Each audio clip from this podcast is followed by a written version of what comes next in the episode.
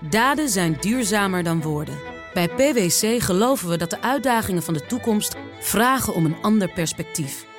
Door deze uitdagingen van alle kanten te bekijken, komen we samen tot duurzame oplossingen. Zo zetten we duurzaamheidsambities om in acties die ertoe doen. Ga naar pwc.nl. BNR Bouwmeesters wordt mede mogelijk gemaakt door Bouwend Nederland. De bouw maakt het. BNR Nieuwsradio. Bouwmeesters.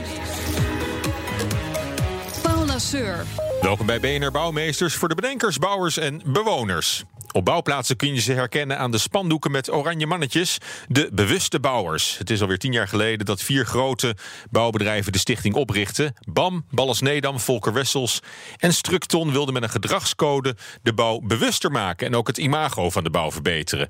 Ook de communicatie met de omgeving moest beter. Want als bewoner snap je niet altijd zomaar de bouwplaats op om te klagen over dat heien, boren, zagen en timmeren. Maar of dat ook is gelukt, bouwt de bouw bewuster.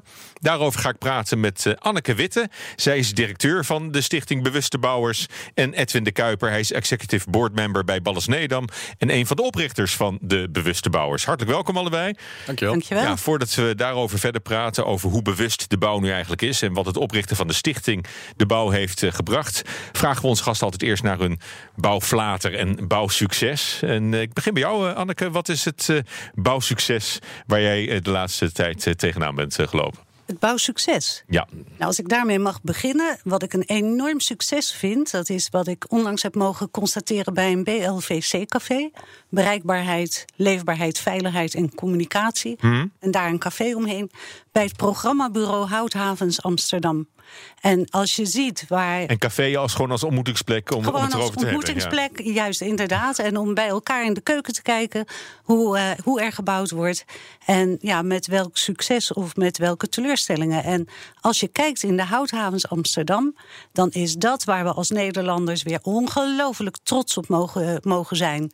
Alles wat daar wordt neergezet, een woonwijk met 2700 woningen, Hmm. die niet uit de klei, maar uit het water worden getrokken. Fantastisch. Ja, en, en, die, en vooral die transparantie en het met elkaar delen van, uh, van voor- en tegenspoed, dat, Ja. uh, dat werkt heel ja, goed. Omgeving betrekken, goed communiceren, informeren, fantastisch. De houthavens. En houthavens maar het gaat niet altijd goed. Uh, wat is je grootste bouwflater? Nou, weet je, ehm, de grootste bouwflaters zijn vaak toch wel eh, incidenten die gebeuren bij partijen die daar eigenlijk zelf eh, ongelooflijk veel eh, verdriet van hebben, last van hebben. Incidenten, ongelukken. Ja, dus ik ga mij beperken tot flaters binnen bewuste bouwers. Binnen onze organisatie. En ik had onlangs een grote flater toen ik een presentatie mocht geven bij een van onze bedrijfsdeelnemers. Waarbij ik verwees naar die banner met die oranje mannetjes. Waarop staat Die ik ook net verbeter de bouw, die jij net noemde. Eh, de app Verbeter de Bouw. Eh, en eh, ja, dan gaat zo'n gezelschap onmiddellijk op de telefoon op zoek naar die app. En toen bleek dat die op iPhone na de laatste update van Apple niet meer werkte. Dus dat vond ik persoonlijk wel een flater.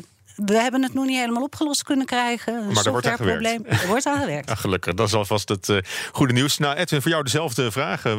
Ja. Succes en flater. Nou, het, het, het Ja, het kan bouwsucces dicht bij elkaar liggen. kan heel dicht bij elkaar liggen. Het bouwsucces wat ik wilde benadrukken... vind ik het gebouw van de European Medicine Agency. Bouw langs de Zuidas, wat uh, bijna afgerond Onze. Brexit-trofee, hè? Precies. Ja. Uh, maar het is mooi om te zien dat dat uiteindelijk onder alle druk die er is geweest... Uh, het moest heel snel ook. Het moest heel snel. Ja. zie je dat alle partijen toch uiteindelijk hun belangen hebben kunnen uh, overstijgend werken. En je ziet dat het succes er is. En ik vind het een mooi voorbeeld voor de Nederlandse bouwsector.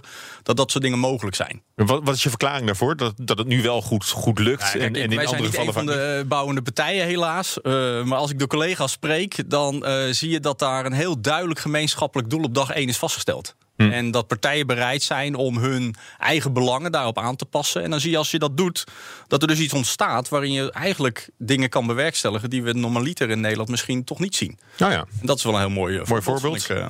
En de flater?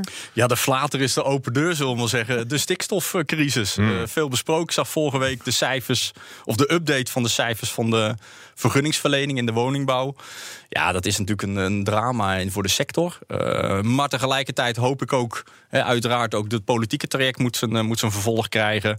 Maar het moet ook als boost gelden voor de markt. Uh, dus voor de sector dat er, er zijn middelen om de stikstofproblematiek ook zelf te beïnvloeden. En ik roep iedereen op om daar zijn uiterste best voor te doen, om daar ook zijn steentje aan bij te dragen. Ja, maar goed, er moet nog een hoop, er moet nog een hoop reparatiewerk te, te, verrichten, denk ik.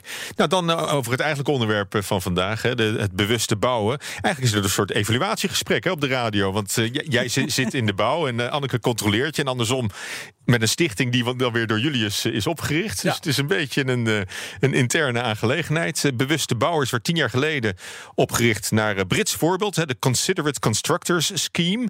Die stamt al uit 1997, dus die bestond al wat langer. Wat, wat sprak jullie daar zo in aan om dat ook op te richten? Nou, wat ons erin aansprak was dat er de bouw zeg maar, had een bepaald imago, of heeft misschien nog een bepaald imago. Maar je zag ondertussen ook dat het besef komen dat een bouwproject is een gast in zijn omgeving. Mm En de connectie zeg maar, tussen dat bouwproject, of het nou een snelweg is of een gebouw, uh, met zijn gebruikers eromheen, die connectie was niet goed. Hè? Er was een bepaalde drempel om een bouwplaats op te stappen en suggesties te geven of commentaar te leveren.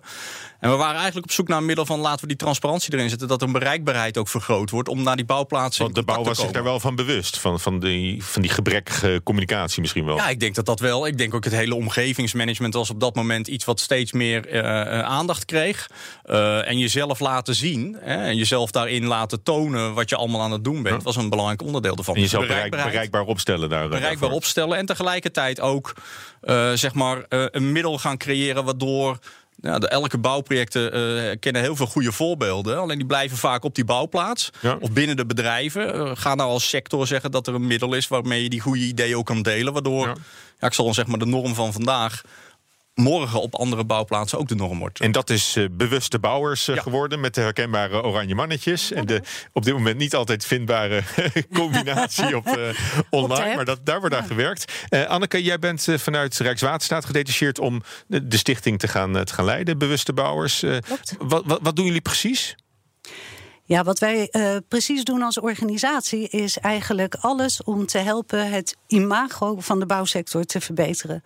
Wij hebben twintig auditors buiten lopen die allen gecertificeerd zijn, ook door Lloyds, allen ook VCA. Mhm.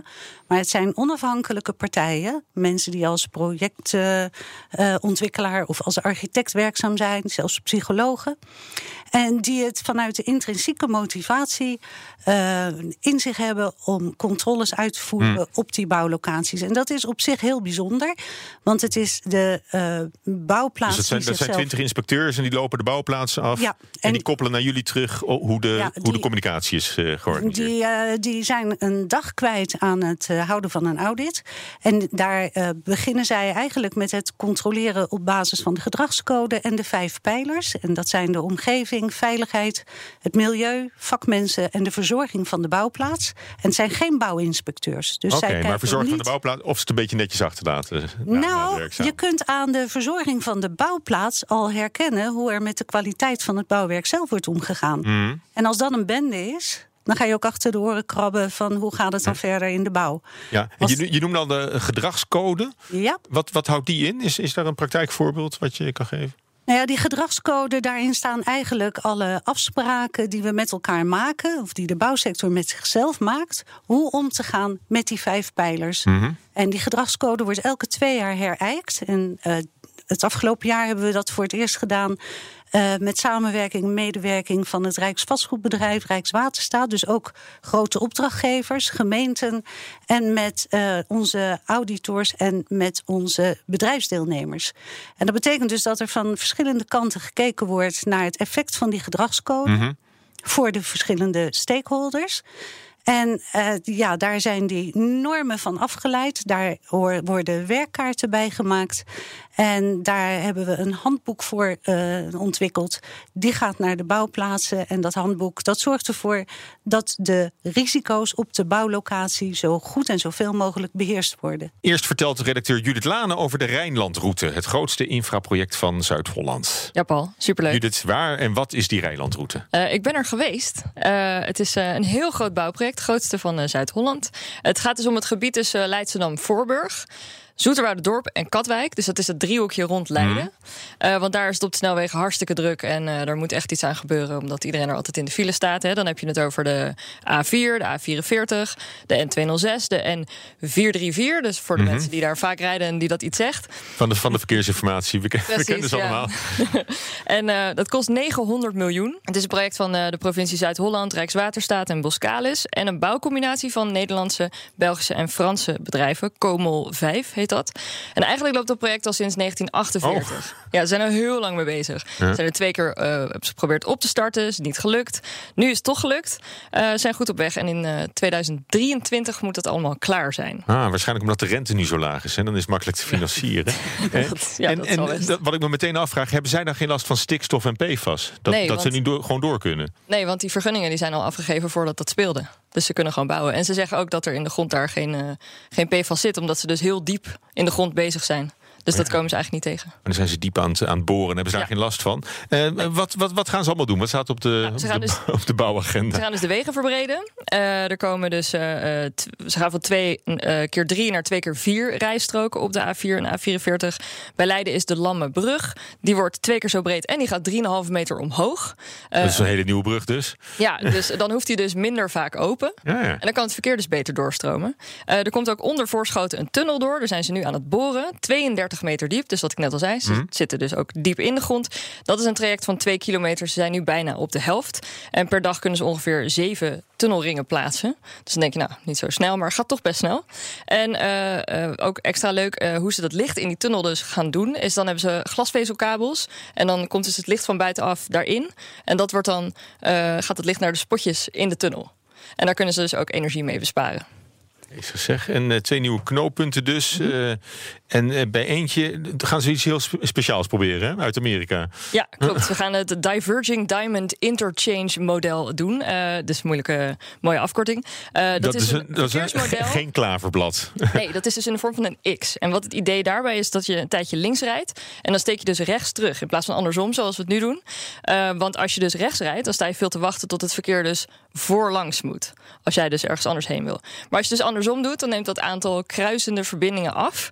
Eh, en ja, dat schijnt dus te werken. Sinds mei eh, zijn ze daarmee bezig. En eh, gaat heel goed. Mensen die wennen er makkelijk aan. En er wordt minder gebotst. En er wordt minder gebotst. ja. Dus als dit werkt, dan willen ze dat ook bij andere knelpunten gaan proberen. Oké, dus een belangrijke innovatie lijkt me voor Ja. de doorstroming ook van het Ja, verkeer. Dankjewel Judith, tot, tot volgende week.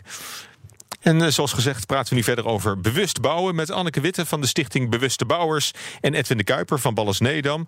Ja, Anneke, ik zei het al, eh, in de petrochemie, dat is de, de oliebusiness... daar eh, maken ze standaard taak-risico-analyses. Dus wat kan er misgaan en, en wat moeten we er doen om dat te voorkomen? Hoe kunnen we de risico's minimaliseren? En eigenlijk zou de bouw dat ook veel meer moeten doen. Ja, ik denk dat het heel nuttig zou zijn als de bouw op locatie alvorens werkzaamheden aanvangen. Eerst met elkaar even gaat kijken naar wat zijn de risico's die behoren bij deze taak. En dat hoeft lang niet voor alles, maar alles wat maar een klein risico in zich draagt. Zoals het eh hijsen van materialen naar eh, eh, daken van gebouwen. Ja, dan is het toch wel wezenlijk om met eh, vier ogen te kijken naar zo'n principe. Van hoe leg je zo'n strop aan, zodat er geen materialen uit de strop van de kraan kunnen vallen. Dat is uit het oogpunt van, van veiligheid van- voor, de, voor de bouwvakkers. Ja, niet alleen voor de bouwvakkers, maar ook zeker voor de eh, omwonenden. Ja. Ja. zeker. En Ja. de passanten. Ja. Want daar gebeuren vaak de incidenten mee. Die mensen zijn zichzelf ook niet bewust van de risico's wanneer ze langs een bouwplaats lopen. Maar goed, als je even op de bouwplaats zelf kijkt, eh, de veiligheid is een, is een terugkerend eh, thema, is van belang. En toch zien we, ook omdat de economie aantrekt en we meer zijn gaan bouwen, maar dat ook het aantal dodelijke ongevallen in de bouw weer, weer wat eh, toeneemt. Ja, dat zou best kunnen. En dat kan wel eens te maken hebben met het feit dat eh, veiligheid eigenlijk geen onderdeel uitmaakt van de aanbestedingsprocessen. Men gaat ervan uit dat veiligheid een doel op zich door iedereen gecoverd is. Nou, dat is natuurlijk niet zo. Ook het eh, goed inrichten van veiligheid op een bouwlocatie vraagt aandacht, vraagt tijd en vraagt ook om geld. Ja. Daar zijn ook middelen voor beschikbaar te, te maken. En het is niet vanzelfsprekend, en uh, dat mag eigenlijk ook niet aangenomen worden, dat het allemaal wel tip-top in orde is als je het er niet over hebt. Dus daar zit een klein dilemma dat het in de aanbestedingen niet wordt meegenomen. Dus die aanbesteding zou eigenlijk veel meer naar het hele bouwproces moeten kijken. Het hele en de bouwproces, veiligheid en ja. de communicatie. En ook tijdsdruk, hè? Ja. want vaak uh, moet er op, uh, op planning geleverd worden. Binnen tijd, binnen budget, dat blijven toch hele belangrijke factoren. Ja. En om daaraan te kunnen voldoen, gaat dat wel eens uh, ten koste Ja. van ja, uh, risico's die dan Ja. niet beheerst worden. Een van, een van de dingen die jullie doen met, met be- de bewuste bouwers is de bewuste Bouwers Awards die jullie uitreiken. Ja. Eh, merk je dat dat, dat, dat helpt? Is dat iets wat, wat ook echt stimuleert om, eh, om op deze manier te, te werken? Ja, met de gedragscode en de. Ja, nou, het zijn allemaal codes, maar wij doen alles langs de band van motivatie en inspiratie. En we inspireren elkaar.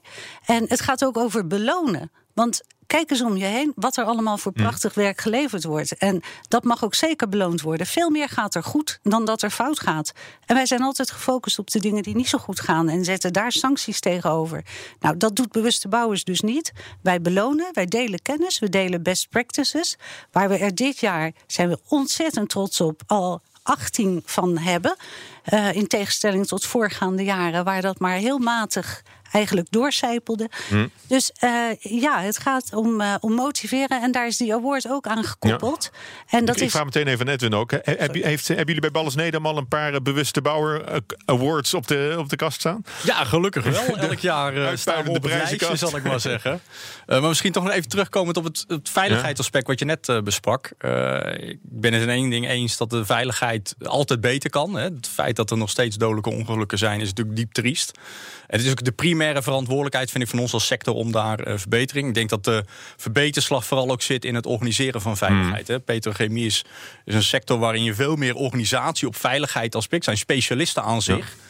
Op bouwplaatsen zie je toch dat maar, maar het, het, het, is ook veel meer in het oog springen natuurlijk, de veiligheidskwestie bij de petrochemie. Want dat kan ontploffen en de, de, daar, daar zijn ja, nou, mensen ik vind het, ik vind veel, het veel hebben, meer van bewust waarschijnlijk. Het, het hebben van dodelijke slachtoffers vind ik al meer dan voldoende in het oog springend. Uh, en dat moet in alle tijden voorkomen worden. Dus daar zit een verbeterslag in. En ik denk dat die organisatie daaromheen daar, uh, daar die stap in kan, uh, kan maken.